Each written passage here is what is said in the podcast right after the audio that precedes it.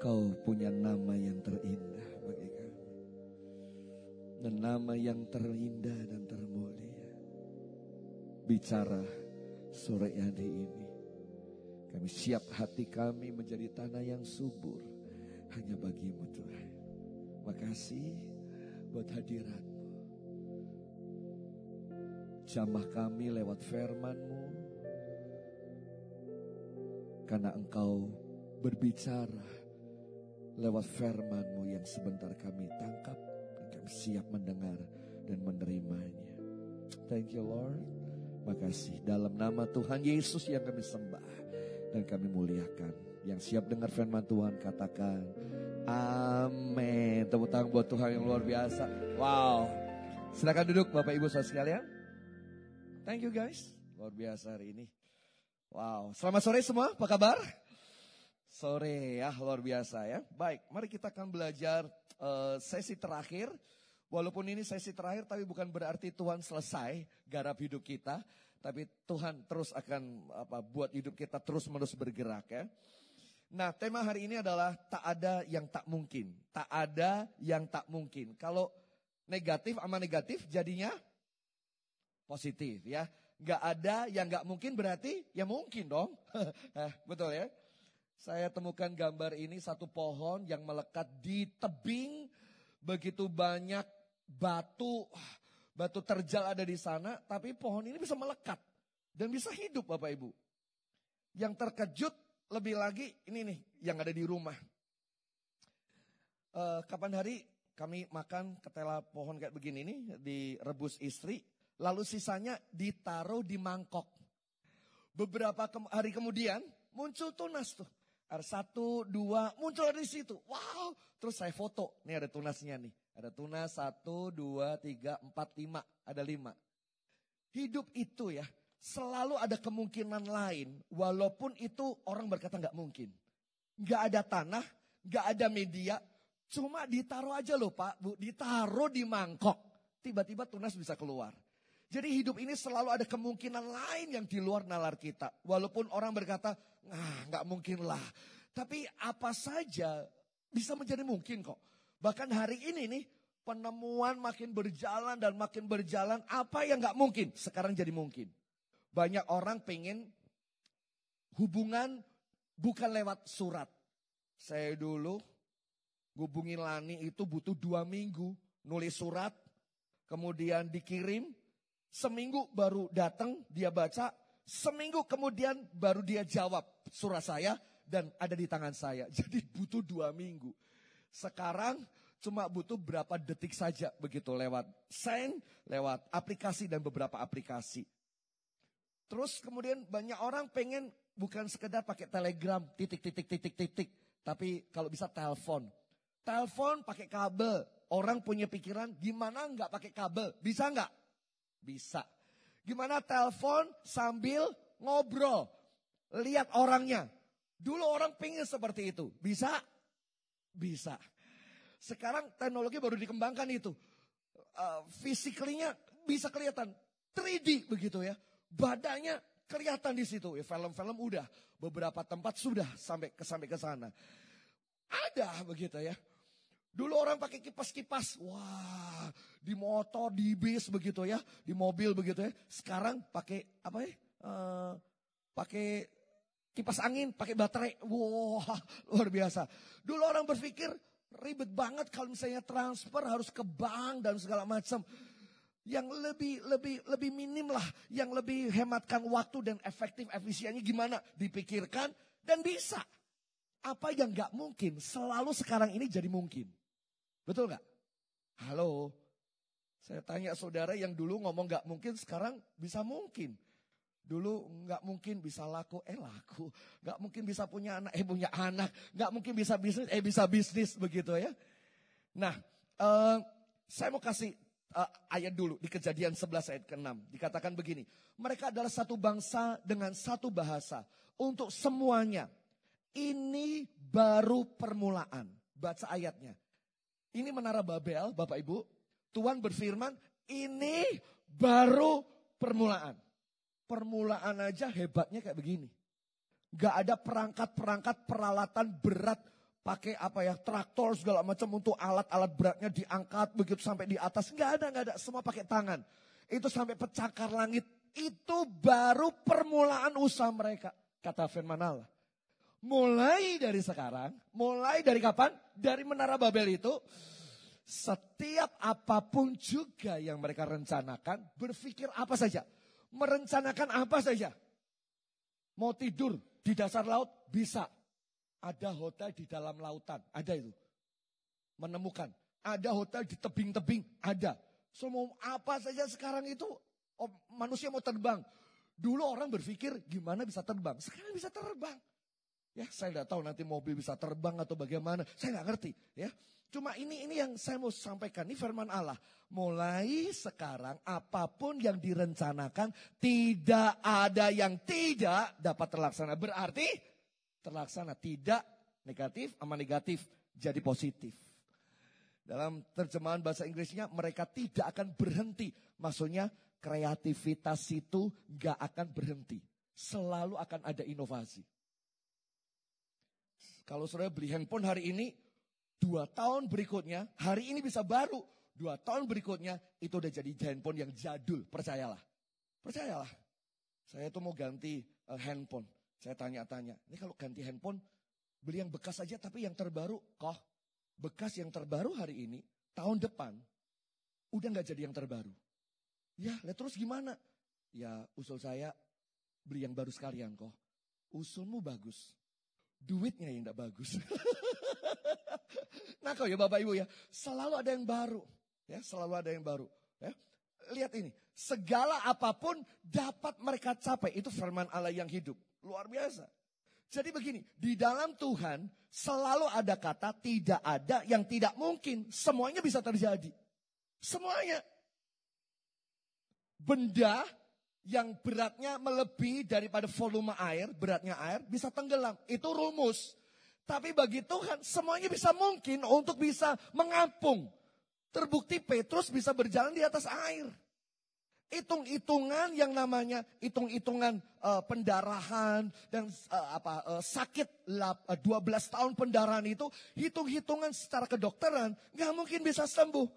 Tapi ada kemungkinan bisa sembuh di dalam Tuhan. Hitung-hitungan empat hari masuk di dalam kubur.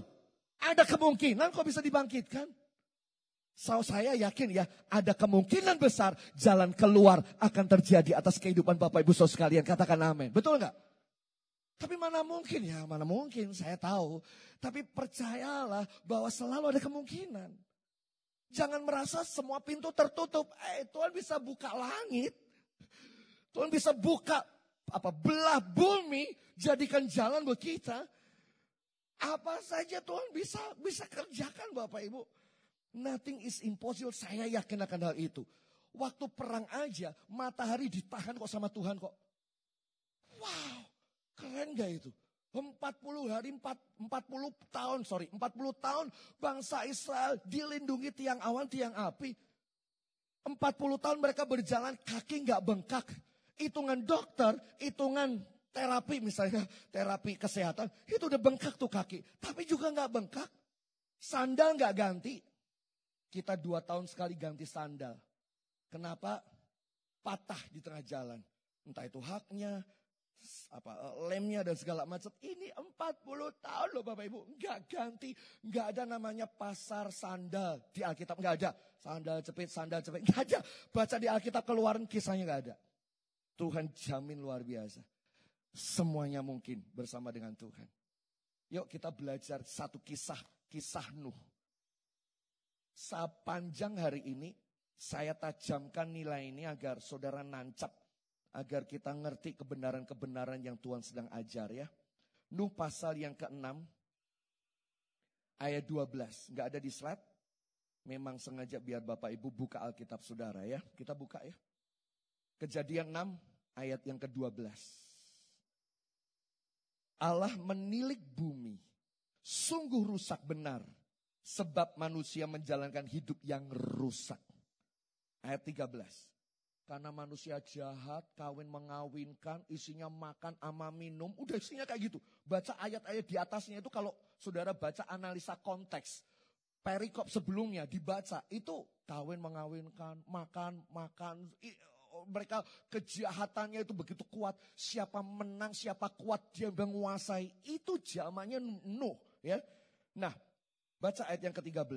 Berfirmanlah Allah kepada Nuh. Nuh, aku memutuskan untuk mengakhiri hidup segala makhluk ini. Sebab bumi telah penuh dengan kekerasan oleh mereka. Jadi aku akan memusnahkan mereka. 11, 14 maaf. Buatlah bagimu bahtera dari kayu gofir. Waktu nu disuruh buat bahtera, saya percaya nu nggak ngerti bahtera itu kayak apa. Bahtera, apa itu? Kayu gofir mungkin dia tahu. Kayu gofir itu artinya kayu yang perekat ada ternya. Ya, Tuhan udah kasih tahu buat kapalnya dari kayu ini. Jadi kalau kamu pakai kayu sengon, kayu kelapa, atau kayu yang lain, pasti direndam tidak kuat. Karena Tuhan udah ngomong, kayu ini nih. ya. Jadi kalau nurut gampang, semuanya pasti beres. Nah buat Nuh, saya percaya susah untuk membayangkan ini. Tapi dengar baik-baik. Begitu Tuhan bicara soal ukuran, lihat ayat itu. Buatlah bagimu bahtera dari kayu gofir. Bahtera itu harus kau buat petak-petak. Jadi Nuh itu bayangin dan merenungkan firman Tuhan tuh. Oh, bahtera itu ada petak-petaknya. Terus apa ini kok di dalamnya ada petak-petak. Lalu Tuhan bicara soal ukuran ayat 15. Ukurannya 300 hasta, panjangnya ada lebarnya 50, ada tingginya. Oh, ada panjang, ada lebar, ada tinggi. Oh, kotak. Gitu lah Bapak Ibu. Oh, ini kayak peti. Tapi dalamnya ada sengget-senggetan atau atau atau ada ada ini ya. Alkitab mengatakan ada petak-petakannya ada di situ. Buatlah itu ada tiga susun, ya. Kemudian lambungnya ditaruhkan pintu di situ, ya. Lalu Tuhan berkata, sebab aku akan mendatangkan air bah meliputi bumi dan aku akan memusnahkan. Mari kita lihat dan coba memikirkan kalau saudara jadi Nuh. Saya percaya kalau saudara jadi Nuh, dapat proyek kayak gini, saya percaya kita bingung kok. Contoh, saya panggil Mas Angga. Enggak, sini enggak.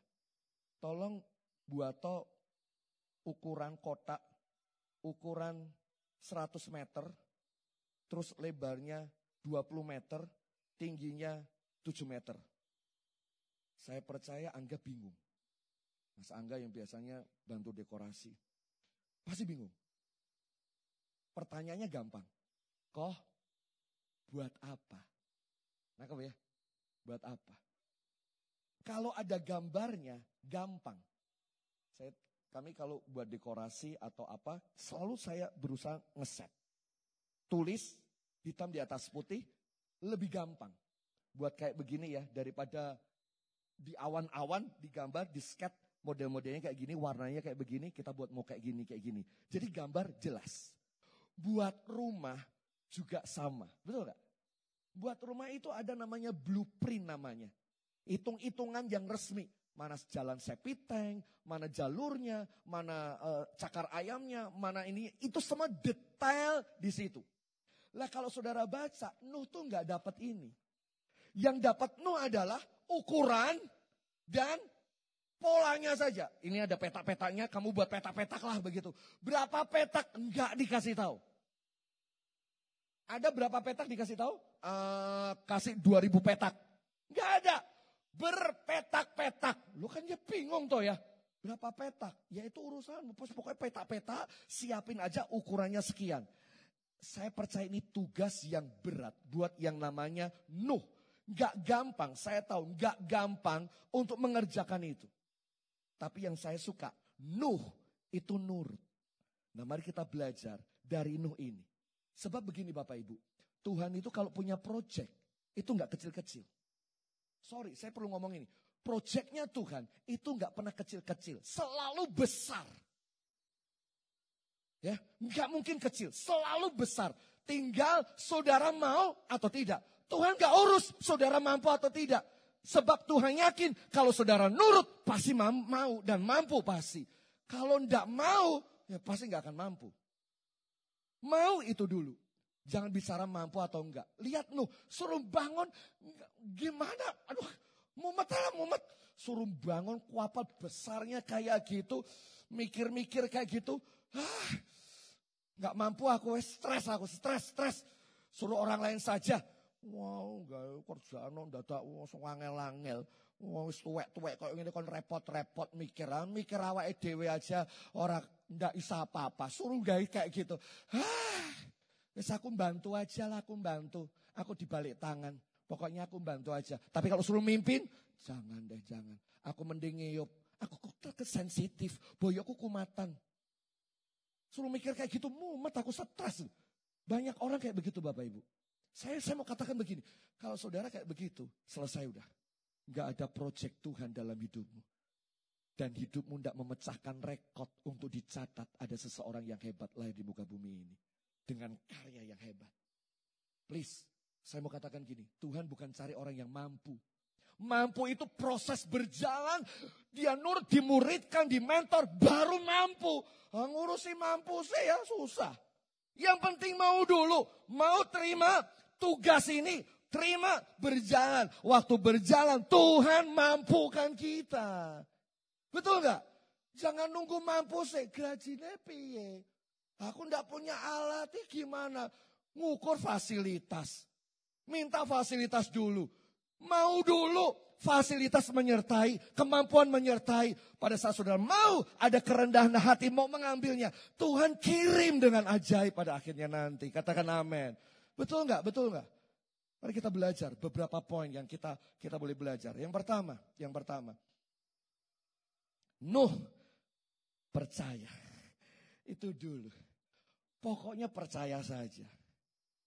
Kalau lihat ukuran kapal, bentuknya, ini susah. Tapi lihat Nuh, Nuh itu percaya. Walaupun dia nggak melihat wujudnya bahtera. Walaupun dia nggak melihat bahtera itu kayak apa, dia percaya saja gitu. Coba kita buka uh, pasal yang lain. Kalau saudara baca di pasal 11 Ibrani. Yuk kita baca yuk. Pagi sama siang belum. Saya tuh pagi siang khotbah sama, tapi bobot nilai yang disampaikan bisa beda loh. Saudara yang datang dua kali, ini yang ketiga, oh beda-beda. Yuk, Ibrani 11 ayat yang ke-7. Dah ketemu? Baca, satu, dua, tiga, mulai. Karena iman, maka Nuh dengan petunjuk Allah tentang sesuatu yang belum Bahtera udah kelihatan belum? Belum. Ada gambarnya enggak? Enggak ada. Suruh bayangin. Baca, satu, dua, tiga, mulai.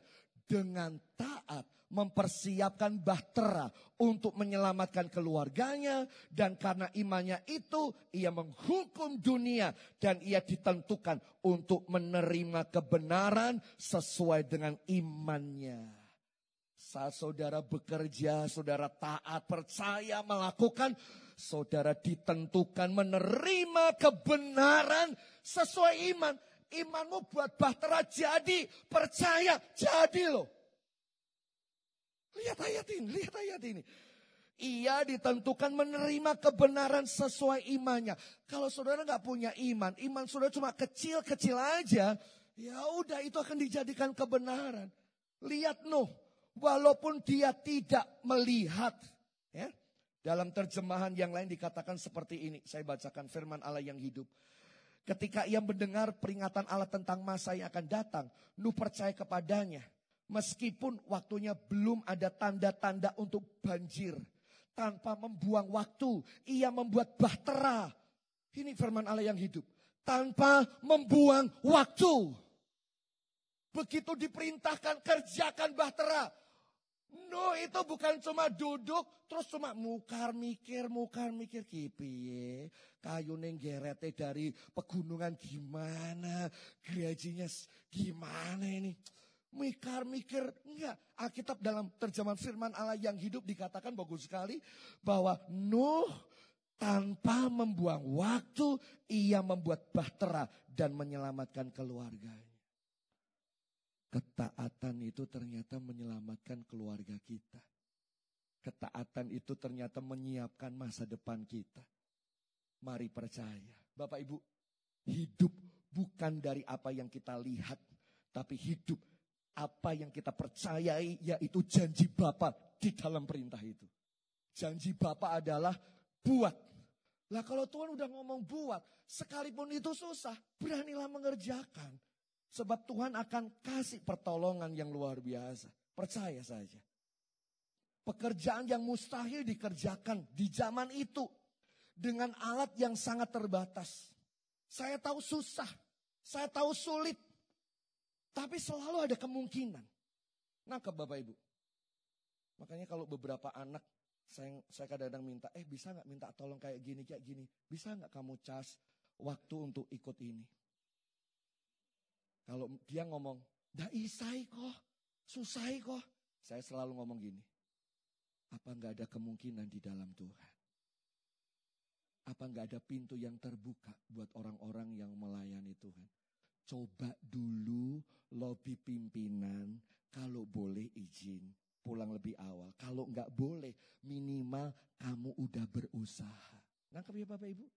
Itu latihan yang kecil-kecil tuh. Kalau kita udah kotak katakan, ah, mana mungkin, sudah iso, udah iso. Aku tuh bukan sarjana, ya udah selesai. Aku ndak ada modal, ya selesai. Aku bukan tukang kayu, selesai udah. Gimana buat kapal? Saya bukan nelayan, selesai udah. Gak ada tuh ayatnya yang ngomong seperti itu, Nuh. Nuh nurut aja dan tidak mengulur-ngulur waktu. Dia langsung tidak membuang waktu dan menyelesaikan bahtera itu. Wow.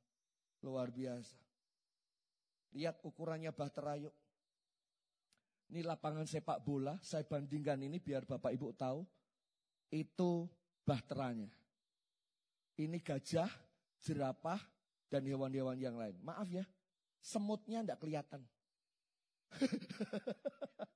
oh gajah cilik kayak gini apalagi semut ya. Bayangkan ini. Proyeknya besar loh ini. Nu belum lihat gambaran ini, tetapi dia punya iman dan was, pokoknya percaya aja deh. Tuhan yang suruh kok. Kalau Tuhan yang suruh, Tuhan pasti punya rencana. Dan kalau saya ngambil, nggak mungkin saya sendiri sama sama sama hidup saya. Selalu ada jalan Tuhan yang yang akan menolong saya. Whitcomb dan Morris menetapkan ya, kurang lebih ada 17 1.600 jenis binatang menyusui, burung, reptil, amfibi yang dikenal.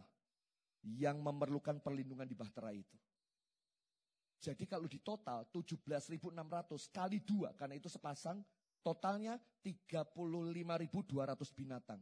Ditambah 5 ekor untuk makanan selama perjalanan 150 hari. Mereka tuh kampul-kampul 150 hari loh Bapak Ibu. Berapa bulan berarti? Berapa bulan? 150 bagi 30. Berapa? 5 bulan. Naik kapal. Mas, naik kapal berapa bulan? Pernah 5 bulan? Lebih. Wow. Rasanya gimana tuh nggak lihat daratan? Wow. Ini 5 bulan. Makanan disiapin semua. Saya bisa bayangkan ini masuk di kapal Bapak Ibu. Saya tahu beban yang berat dengan semua yang ada karena ini proyek bukan kecil-kecil. Saya mau tekankan begini, proyek Tuhan nggak mungkin kecil. Karena proyek Tuhan membuat saudara makin naik pada level lebih lagi dan kapasitas naik dan naik. Itu Tuhan kita. Karena Tuhan tidak mau saudara levelnya begini terus dari tahun demi tahun. Tuhan pengen saudara naik. Nah untuk naik saudara perlu proyek. Saudara punya sesuatu batu lompatan yang lebih lagi yang membawa saudara kepada sesuatu yang besar. Nangkap ya, nangkap ya sampai di sini ya. Wah, ini Nuh. Percaya. Alasan ragu mungkin sangat banyak. Namun demikian, rasa percaya harus lebih kuat dari semua keraguan kita.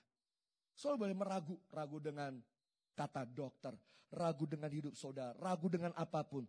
Tapi percayaan kita dengan Tuhan harus lebih kuat dari apa pun juga.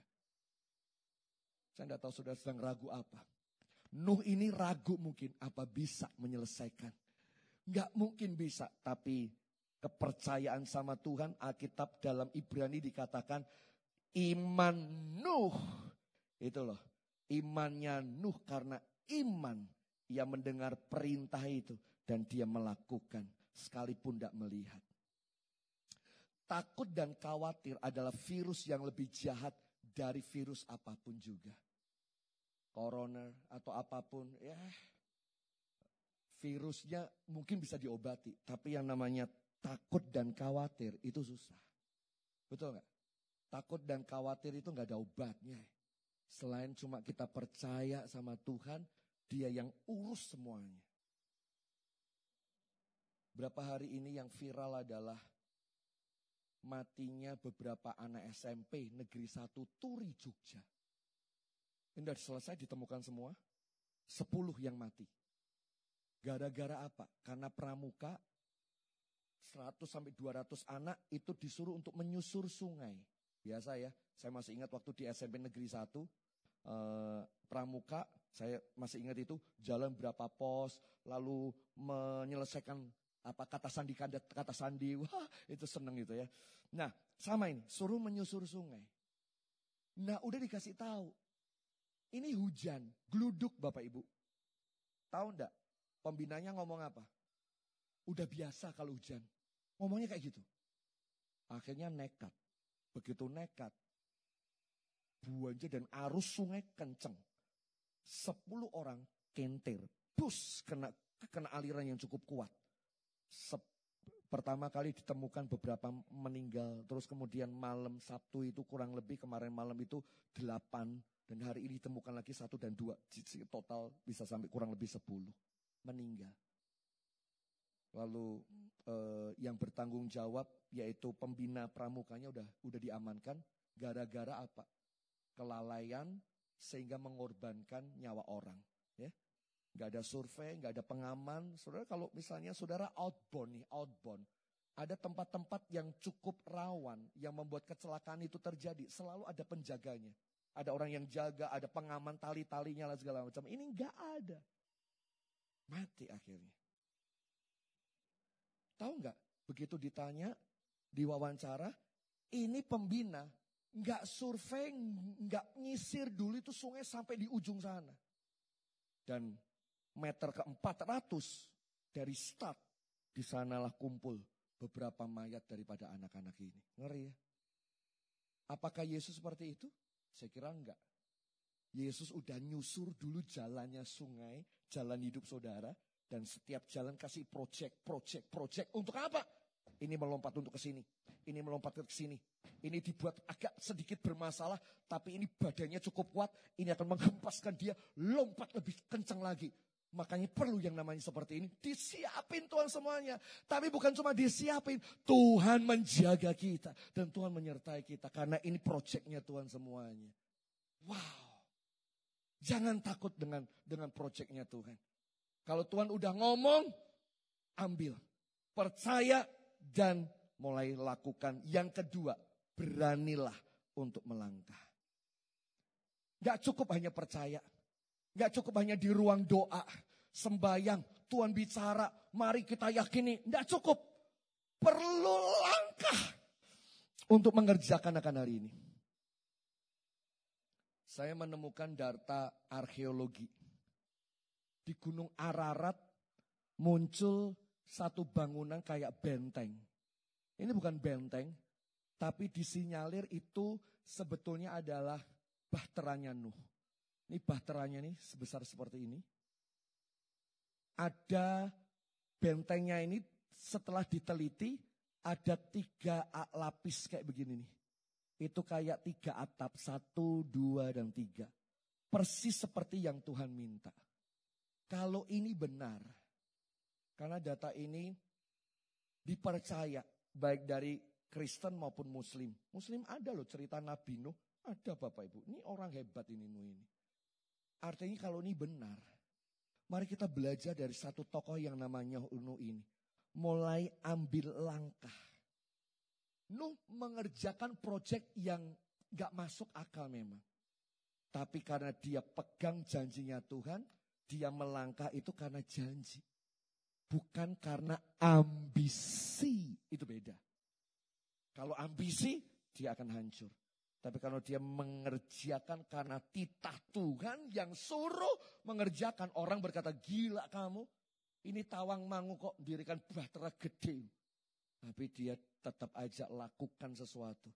Dia lakukan sesuatu dan dia tidak tidak menyerah. Karena dia tahu, kalaupun Tuhan perintahkan sesuatu, yang diperintahkan itu pasti masuk akal dan bisa diselesaikan. 1 Yohanes 5 ayat 3. Baca yuk 1 2 3 mulai. Sebab inilah kasih Allah kepada Allah yaitu bahwa kita menuruti perintah-perintahnya. Terus perintah-perintahnya enggak berat. Kalaupun berat, dengar segala perkara dapat ditanggung bersama-sama. Ini luar biasa.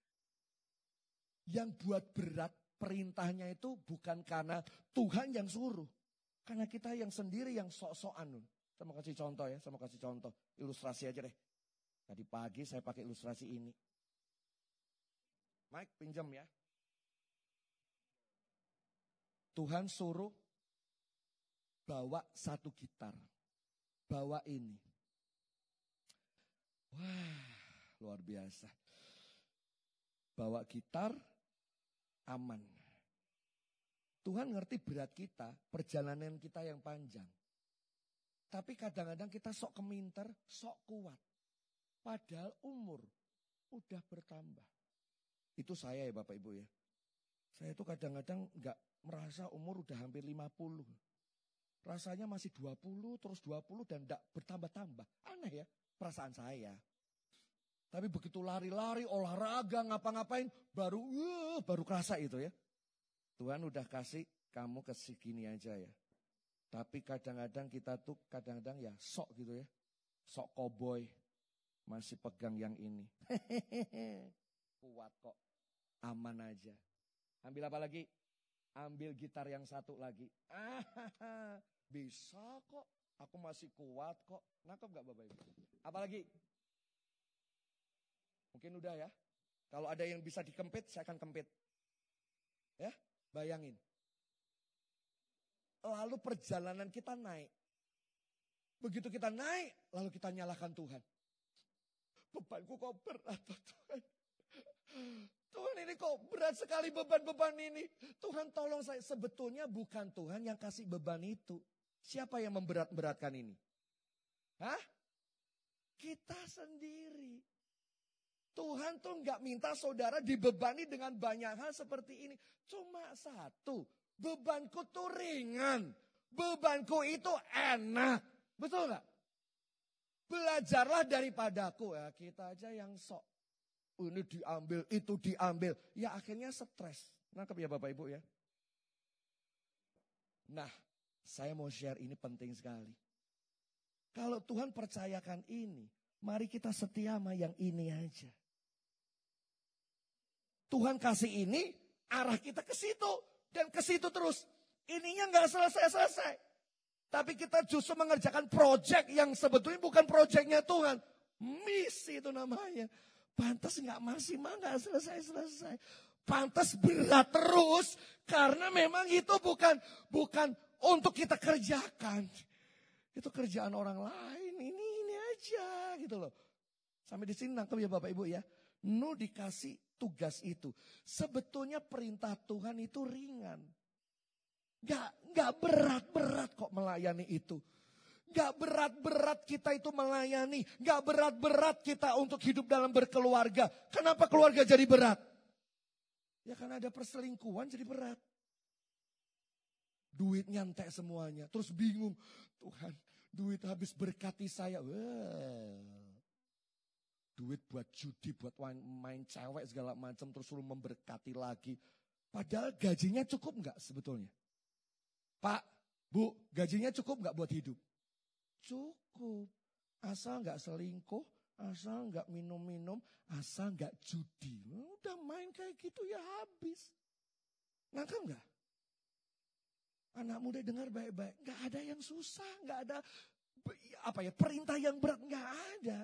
Kita aja yang kadang-kadang membebani berat segala macam. Disuruh beli kecap, berat nggak sih perintahnya? Kan enggak kan? Jadi berat karena gamenya belum selesai. Itu yang jadi berat. Oh kalau ditinggal sayang banget. Oh kalau begini, wah sayang banget. Pikirannya udah macam-macam. Padahal simpel, sederhana.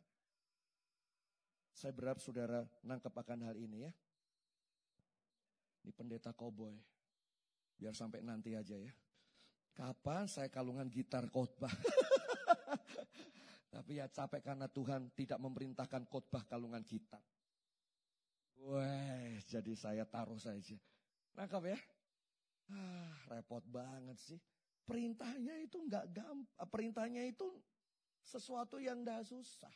Saya mau tanya, saya mau tanya. Guru itu kalau sedang ujian, gurunya diam atau cerewet? Guru itu diam saat ujian. Ya, saya ulangi. Guru diam saat ujian. Cuma diam tok gini. Ayo, ayo, ayo, ayo, ayo. Nyontek-nyontek itu pengalaman ya kayaknya ya. Paling gitu kan. Gak mungkin udah cerewet. Ibu mau cerita. Bo, bo, bo, bo. Shh. Ganggu. Guru cuma diam aja. Waktu ujian. Waktu bapak ibu ujian. Tuhan itu diam. Cuma jangan lupa. Teorinya udah dikasih belum? Sudah pak. Anak-anak hari ini kita ujian. Loh, gak diumumkan. Ibu baru masuk. Kok udah ujian? Oh teorinya belum diajarkan. Itu guru sontoloyo. Nangkap ya? Kasih PR dong. Besok kita ujian halaman 12 eh, sampai halaman 100. Pelajari, kita diskusi. Dan besok kita ujian. Baru muridnya belajar. Ininya materi udah dikasih dulu. Kalaupun kalaupun bingung, sekarang pakai WA. Kalaupun bingung, les. Beli program. Ada ya? Namanya apa itu? Hah? Ruang guru.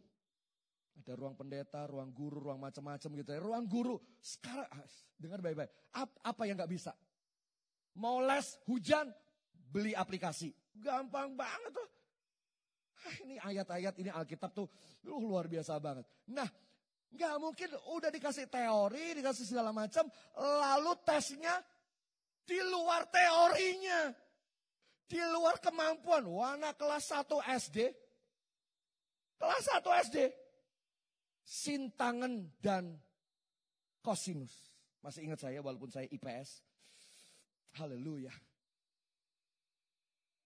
2N kuadrat K min. Uh, yang kimia-kimia gitu.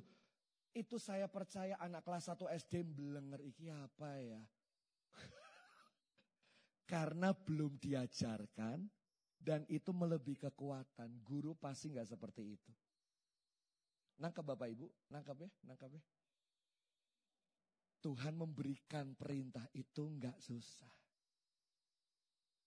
Nggak susah. Jadi kalau saudara dikasih tahu, diminta Tuhan mengerjakan sesuatu, jangan ngomong, nggak mungkin pak.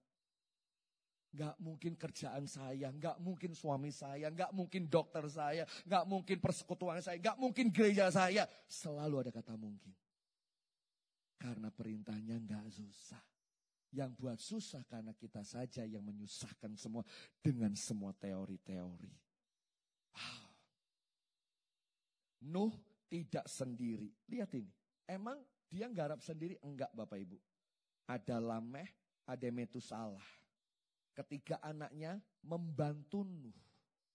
Membantu Nuh untuk mengerjakan tugas itu. Saya ke sini sebentar, biar Bapak Ibu tahu akan hal ini. Uh, Rio, Brian, terus sama satu lagi uh, Novan maju ke depan. Saya cari yang jomblo-jomblo. Dan pasti pria. Oke. okay. Uh, ini tiga. Yang cilik dewe pasti Nuh. Ini eh, Metusalah. Namamu siapa? Rio. Metusalah. Metusalah. Metusalah. Rio di sana, ini Metusalah. Namamu Lameh. Lameh. Lameh. Namamu Parjo. Eh, Nuh. Nuh. Ya, Nuh ya. Oke. Nah, bapaknya Metusalah itu namanya Henoh. Tahu Henoh? Henoh itu tidak mati tapi diangkat Tuhan. Wih keren itu. Dia nggak mati diangkat Tuhan. Karena bergaul karib sama Tuhan. Dia orang profetik, tajam banget soal spiritual. Yudas mencatat Henoh melihat Yesus datang. Bayangkan, sebelum Yohanes mencatat soal kitab Wahyu, kejadian aja Henoh ngerti Tuhan mau datang kedua kali bersama dengan malaikat berbondong-bondong. Waktu Henoh punya anak, ya istrinya yang punya anak, dia spon- sponsor, eh, dikasih nama siapa? Metusalah. Metusalah.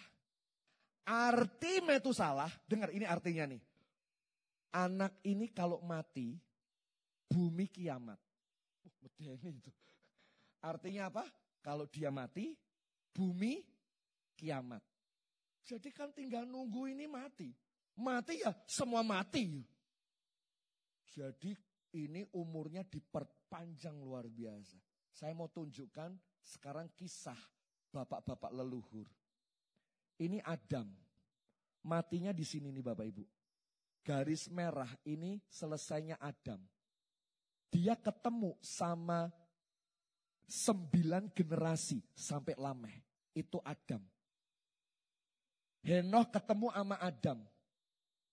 Dia hidup 57 tahun lagi setelah Adam mati.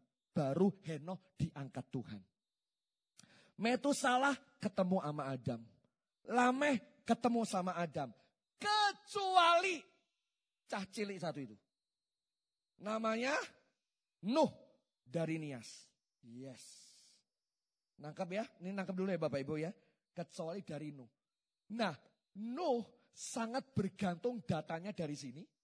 Nuh bergantung data dari sini untuk mengenal sumber-sumber siapa Allahnya. Kalau ini langsung ketemu sama Adam, ini juga ketemu sama Adam. Ini udah nggak ketemu. Coba lihat itu. Nuh lahirnya di sini Bapak Ibu. Adam udah mati nih. Nggak ada data tentang Adam, orang pertama, udah mati. Tapi ini tahu orang pertama. Ini tahu orang pertama. The first orang pertamanya. Ini nggak ngerti makanya ini diizinkan untuk merawat Nuh. Sehingga Nuh menjadi orang yang takut akan Tuhan. Bergaul karib sama Tuhan. Makanya Tuhan sayang sama orang ini dan ini yang diselamatkan. Semua bumi dihancurkan kecuali ini. Kenapa? Karena di cover ini sama ini. Anak muda, remaja, teen, anak-anak dengar. Kau perlu orang tua ini untuk mengcover. Untuk menyelamatkan generasi hari ini. Kalau enggak ini bisa rusak. Oke. Sekarang begini. Nuh, sini Nuh. Tuhan ngomong sama Nuh. Sepatumu tuh talinya memang gitu ya. Coba begini, ke sana deh. Coba gini. Nah, putih karo pink ya. Wah luar biasa anak zaman sekarang. Itu ditorsina boleh toh? Hah? Udah rusak talinya. Kok terbuka banget sih kamu ya? Udah nanti beli minta sama apa Ibu Lani biasa kan dapat uang bensin buat beli tali. Oke, ini Tuhan ngomong sama Nuh. Nuh, aku mau menghancurkan bumi. Buat apa tadi? Bahtera. Kamu nanti masuk, kamu akan selamat. Tapi isi bumi yang udah rusak, aku mau habiskan semuanya. Ya, siap? Buat Bahtera siap? Siap. Kira-kira kalau udah siap ngomong enggak sama papahnya, sama kakeknya? Ngomong ya, ngomong sama papa. Pah, saya mau buat bahtera. Maju, maju. Eh, sih. Papai lameh lali. Ngomong sama papanya. Pah, Apa? Habis itu? Aku mau buat batera. Bagaimana jawabmu? Laporan diterima, laksanakan. Laporan diterima dilaksanakan. Boleh juga ya. Tapi mungkin bapaknya juga bingung. Kamu tuh piye ini tawang mangu. Ini Solo. Buat kapal kok di Solo? Buat kapal di Parangtritis. Betul nggak? Kamu tuh masih kecil. Mimpimu jangan gede-gede. Itu kayak si cebol merindukan bulan. Lihatlah kau. Itu badan pendek kayak begini. Mau bangun pompa berterai besar. Kau tak pikirkah? Modalmu berapa kau? Kau punya duit berapa? Papa udah deposito udah habis. Mungkin bisa. Ngomong sama papa. Begitu ngomong sama kakek. Ya kakek ngomong. Kakek. Kakek. Aku mau buat batera. Ngapain? Ya, kamu jawab lah. Karena Tuhan mau menghancurkan bumi. Begitu dia ngomong, Tuhan mau menghancurkan bumi. Ini mau kiamat kek. Begitu dia ngomong, ini mau kiamat kek. Loh, artinya metu salah apa?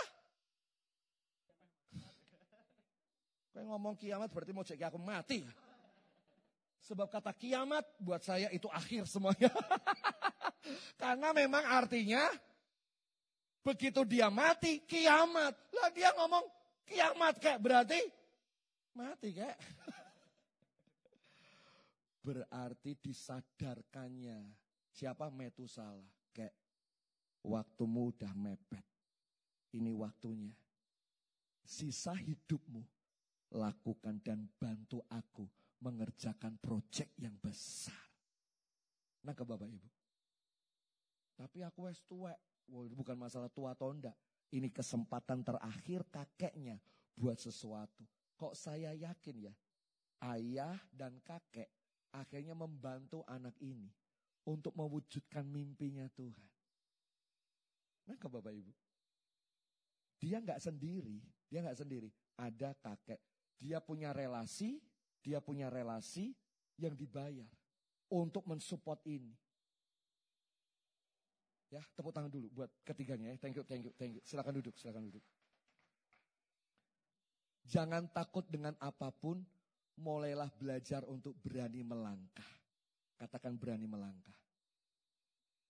Kemarin saya pelayanan di Juana. Eh, di perusahaan furnitur yang cukup cukup besar. Saya masuk mobil gitu toh, Pak, acaranya di sebelah sana, ditunjukin. Acaranya di sebelah sana, saya belok. Masuk daerah gudang furnitur aluminium-aluminium. Masuk lagi, mana enggak, apa enggak nyampe-nyampe. Dua hektar Bapak Ibu. Mobil itu lewat tuh kuayu buah kuwedinya minta ampun. Nah, ini namanya Pak Sutris. Yafet Sutris. Dulu pernah saya melayani tempatnya dia waktu waktu di persekutuan di rumahnya dia ada di Pati, Pati Juana. Waktu itu dia masih main kuningan. Saya tanya kuningannya masih jalan pak? Masih lah pak, tapi ya sekarang fokus ke ke yang ini. Berapa tahun yang lalu gudang kayunya, pabriknya habis kena si jago merah. Kebakaran. Kulit kayu, kayu gelondongan, mesin yang baru, dua kontainer siap ekspor, dan bubuk apa ya, potongan potongan-potongan kayu, namanya apa ya? Ya, gerajian ya, gerajiannya itu kebakar. Dua hari, dua malam, nggak selesai itu api dipadamkan. Dua hari, dua malam, Bu. Dia ngomong ini MM-an Pak. Wow. Teman-teman udah mau ke sini tapi dia bingung. Kalau ke situ terus mau ngomong apa. Gak kuat untuk melihat kenyataan hidup saya yang saya lewati kayak begitu. Jadi persis kayak Ayub tuh. Ayub udah hancur tubuhnya, temannya datang. Begitu temannya datang mau ngomong aja gak bisa. Diem tok. Karena saking mesake, kasihan banget sama Ayub. Sing tuwek sing ngomong. Ngomong. Ngomong apa? Aku ndak bisa ngomong. Kowe sik wae. Glenak, glenik itu ndak bisa ngomong. Lalu Ayub ngomong gini. Kue itu janjane ini meh apa ta? Eh, sudah satu minggu kok diem tok semuanya, baru ngomong semuanya. Sama, teman-temannya ndak bisa ke sana. Ya, ndak tahu mau ngomong apa, ndak tahu mau gimana cara bantu, ndak tahu gimana cara menghibur. Dia ngomong gini nih, ini statementnya dia. Kamu ndak usah takut mikirin aku. Ini semua miliknya Tuhan. Kalau Tuhan habiskan semua, aku yakin Tuhan punya rencana. Secara manusia kelangan, sekian M, mesin dan segala macam harus ngerintis dari nol lagi. Tapi tenang aja dijalani semua.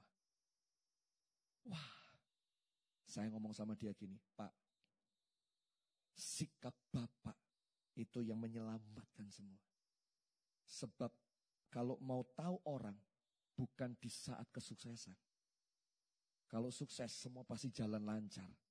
Tapi dalam keadaan tertekan, pleasure, dalam keadaan desakan, itu biasanya yang di dalam itu keluar. Nah Bapak Ibu? Mau tahu pria sejati? Pria dalam tekanan. itu prianya keluar. Mau tahu wanita sejati, wanita dalam tekanan. Tidak punya duit, stres, wow banyak. Kelihatan tuh siapa wanita itu sebetulnya. Ketenangan, inner beauty-nya itu kelihatan banget. Nah, begitu dia tenang, terus dia ngomong gini.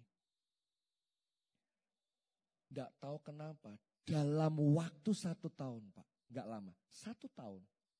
Tuhan kasih kemudahan pinjaman bank dengan bunga yang ringan terus uh, apa uh, konsumen-konsumennya dia yang ada di luar negeri Eropa sama Amerika dia nggak cabut semuanya. Dia malah kasih order banyak untuk membantu pemulihan ini. Terus dia ngomong gini sebulan nggak lebih 10 kontainer pak. Nggak lebih sebelum si jago merah itu marah. Tapi sekarang nih pak hampir 30 kontainer setiap bulan keluar dari pabrik ini. Wow. Tuhan itu ratakan, Tuhan hancurkan semua untuk ngerti hati saya. Dan biar dia ngerti hati saya, dipulihkan semuanya. Dan pemulihannya itu, itu bukan kurva U. Yosi pernah ngajar itu, masih ingat enggak? Kurvanya J. Kalau U itu dipulihkan turun, naik, sama itu U. Tapi ini kurvanya jadi J. Naik lebih daripada yang sebelumnya. Ini eksponensial. Wow. Waktu dia sama istrinya maju nyanyi satu lagu. Nangis dia. Nangis. Lagunya cukup terkenal. Kalau saudara tahu lagu itu. Engkau Bapa yang me, Kau Bapakku yang baik, mengerti bahasa, tetesan air mata, tak kau biarkan ku berjalan sendirian. Itu kalau nyanyi biasa tanpa masalah Anda bisa nyanyi. Tapi buat seorang yang udah kehabisan semua kayu, mesin, mm-an udah habis. Itu tentu lain nyanyinya. Kau Bapakku yang baik kepercayaannya kepada Tuhan. Membunuh rasa takut semuanya untuk tetap melangkah dan selalu percaya Tuhan menyertai dan Tuhan selalu punya rencana yang indah. Sekalipun itu berat. Amin Bapak Ibu.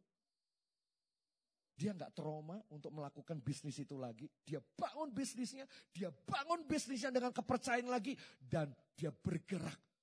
Dan dengar kepercayaan lebih besar Tuhan kasih. Sekali lagi, proyek Tuhan nggak kecil-kecil. Saya berdoa, firman ini udah dilepaskan malam hari ini, pulang, saudara nangkep atau tidak nangkep, firman Allah tetap sudah diberitakan.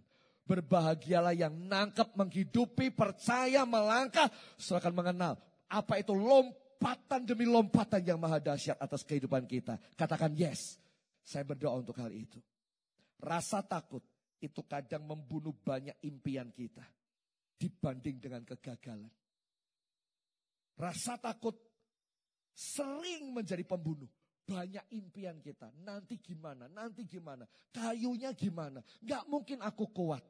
Rasa takut, rasa khawatir. Percayalah, saya punya coach buat saudara. Masalah terbesar dalam hidup ini bukan mengerjakan tugas yang besar. Tapi masalahnya adalah bagaimana kita mengalahkan ketakutan, kekhawatiran, bahkan gambar diri yang salah atas kehidupan kita. Masalah terbesar itu bukan karena mengerjakan tugas yang besar. Tugasnya itu bisa kita kerjakan.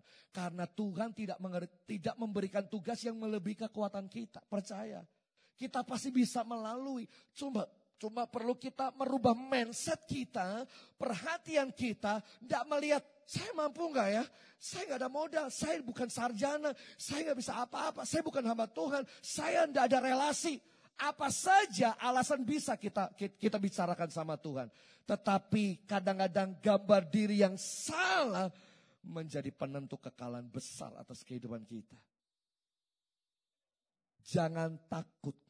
Yesaya 4 ayat 10. Sebab aku menyertai engkau.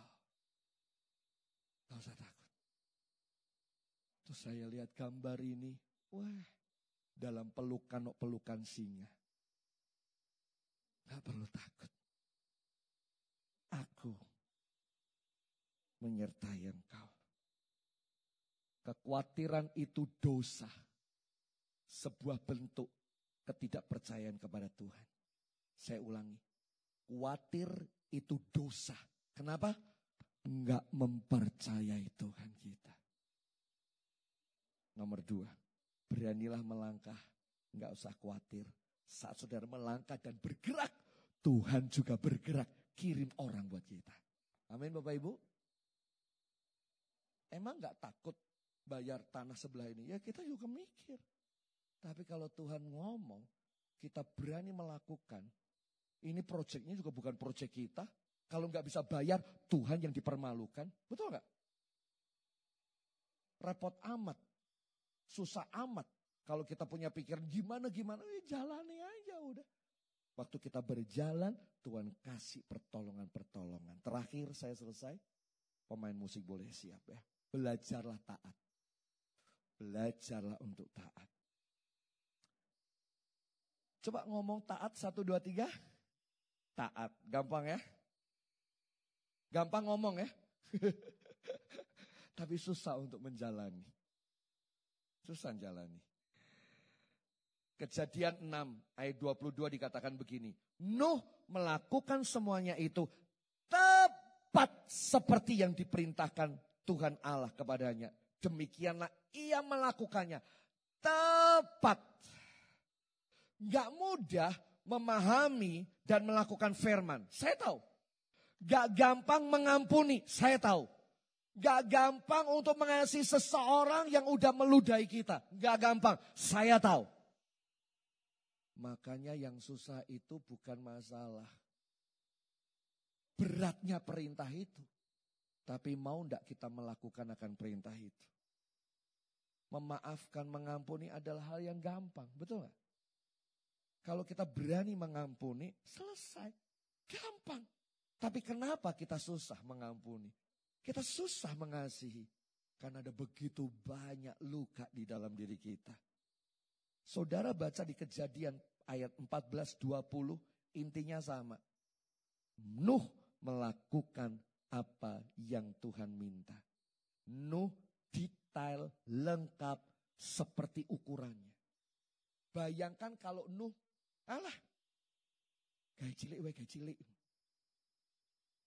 Kapalnya dibuat mini, di diskon 10 meter.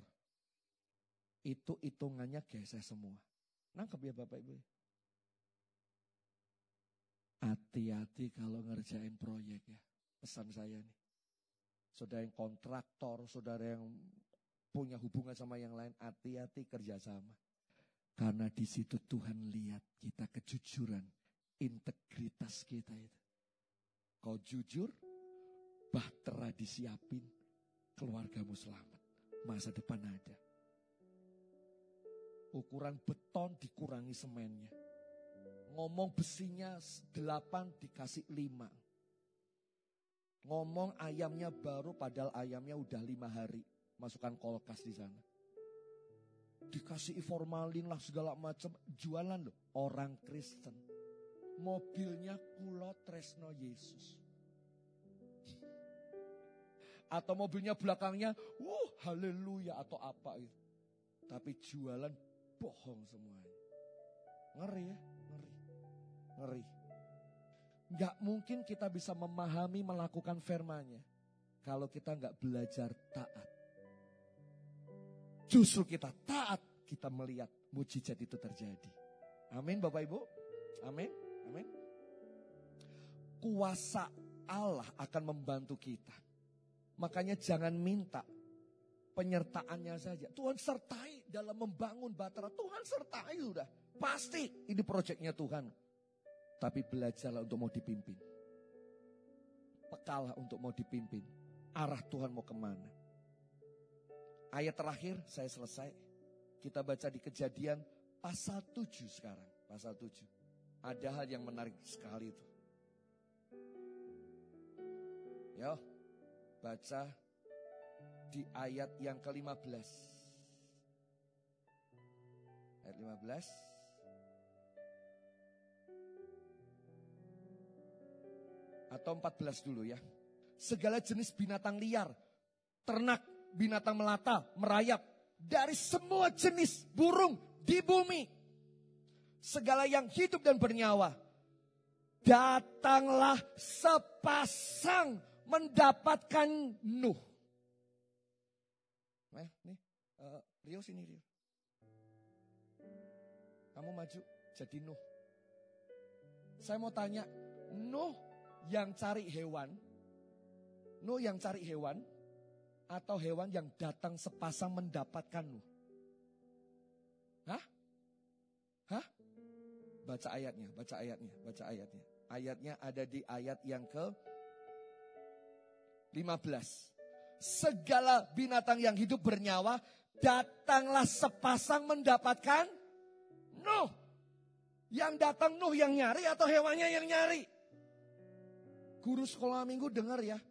Gak boleh ngajar. Adik-adik tahu gak? Nuh ngejar kelinci.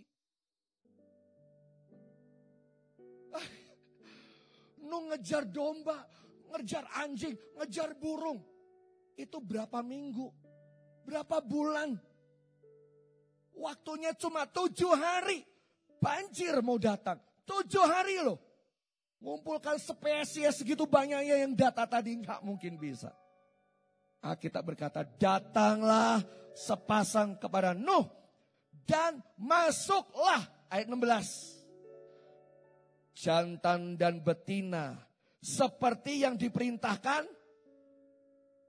Seperti yang diperintahkan. Nuh atau Tuhan.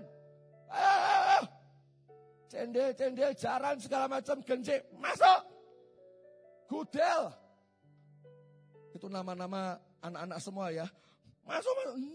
Enggak ada kayak gitu. Tuhan perintahkan hewan itu masuk.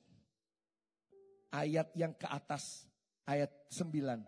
Datanglah sepasang hewan-hewan ini. Ini sepasang datang ke tempatnya Nuh. Bahasa binatangnya gini, boleh nggak kami ikut journey perjalanan ini? Oh, boleh, Mas boleh. Ah, ya, ah, ma, permisi. Masuk ke Bahtera selamat Bapak Ibu. Saya mau ngomong gini, lah monyo aja mau masuk Bahtera. Monyo aja mau selamat. Ini Nuh udah bertobat, oh, nginjili orang-orang. Ya ndak bertobat-bertobat. Sing monyo siapa, sing manusia siapa, saya jadi bingung. Anjing aja tahu bagaimana cara selamat. Masa manusia nggak mau selamat sih? Nangkap maksudnya? Ceritanya gitu. Thank you. Kalau Nuh suruh ngumpulkan hewan stres nggak? Stres pak. Tuhan itu tahu, saudara itu pasti stres lah. Ngurusi proyek ini. Makanya begini, ini bagianmu, potong, ah udah itu kamu. Tarik sih, ah itulah kamu. Tapi bagian, kamu kan tidak bisa bahasa kerah, nggak bisa bahasa yang lain. Aku yang minta mereka untuk masuk. Bayangkan malaikat udah kasih tahu tuh sama harimau. Nanti di Bahtera nggak boleh mengaung. Mengaung tak plester sampean.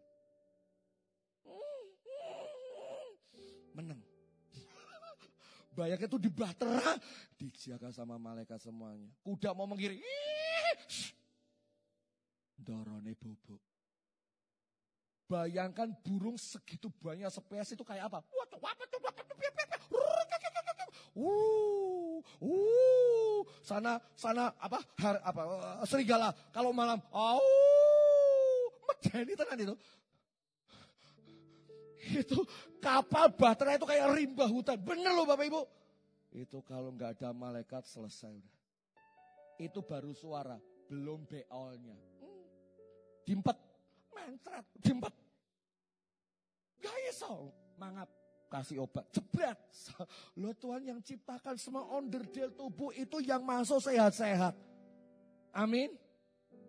Jangan pikirkan yang macam-macam, ndak usah bingung. Wah nanti, wah telek gajah sakmono Waduh, piye nanti wah aneh-aneh. Kirek limo aja, wah telek koyo ngene gajah. Mati aku. Mas, aku iso mikir, ndak usah mikir. Itu urusannya Tuhan. Saudara mikir, buatlah bahtera, belajar nurut, belajar percaya. Sisanya Tuhan urus. Amin Bapak Ibu. Amin, amin, amin. Oh, jangan cuma minta penyertaannya. Kuasa ketaatan membuat pintu kuasa Tuhan. Sehingga saudara bisa mengalami mujizat. Itu mujizat, itulah mujizat. Malam ini saya bagikan hal yang simple. Tiga poin. Percaya saja, berani melangkah, belajar taat. Tuhan Yesus memberkati. Kita bangkit berdiri bersama-sama.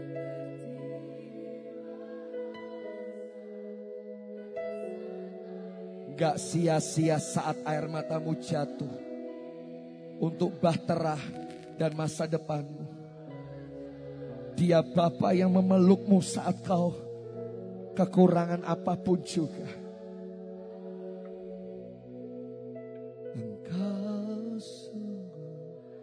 Biar musik saja. Lakukan pujian ini. Datang kepada Tuhan. Serahkan impianmu sekarang di hadapan Tuhan. Dan katakan begini. Aku tahu gak mungkin bagiku.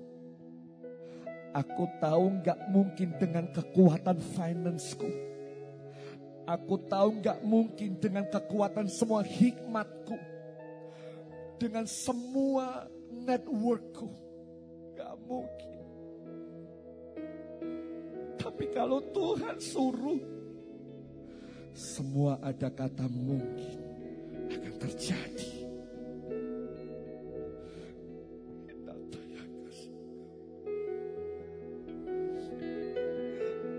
Ada pintu yang akan dibuka. Selalu ada jalan di saat semua berkata buntu. Selalu ada tangan yang tidak terlihat dan ada pribadi yang tidak terlihat menyertai dan melihat kami. Ajar mata kami percaya. Mempercayaimu lebih dari semua. Mengandalkanmu lebih dari semua.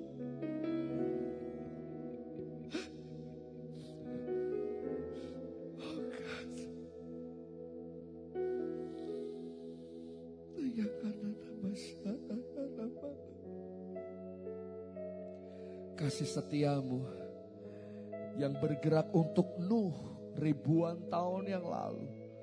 Kasih setia itu nggak pernah berubah, berlaku bagi kami.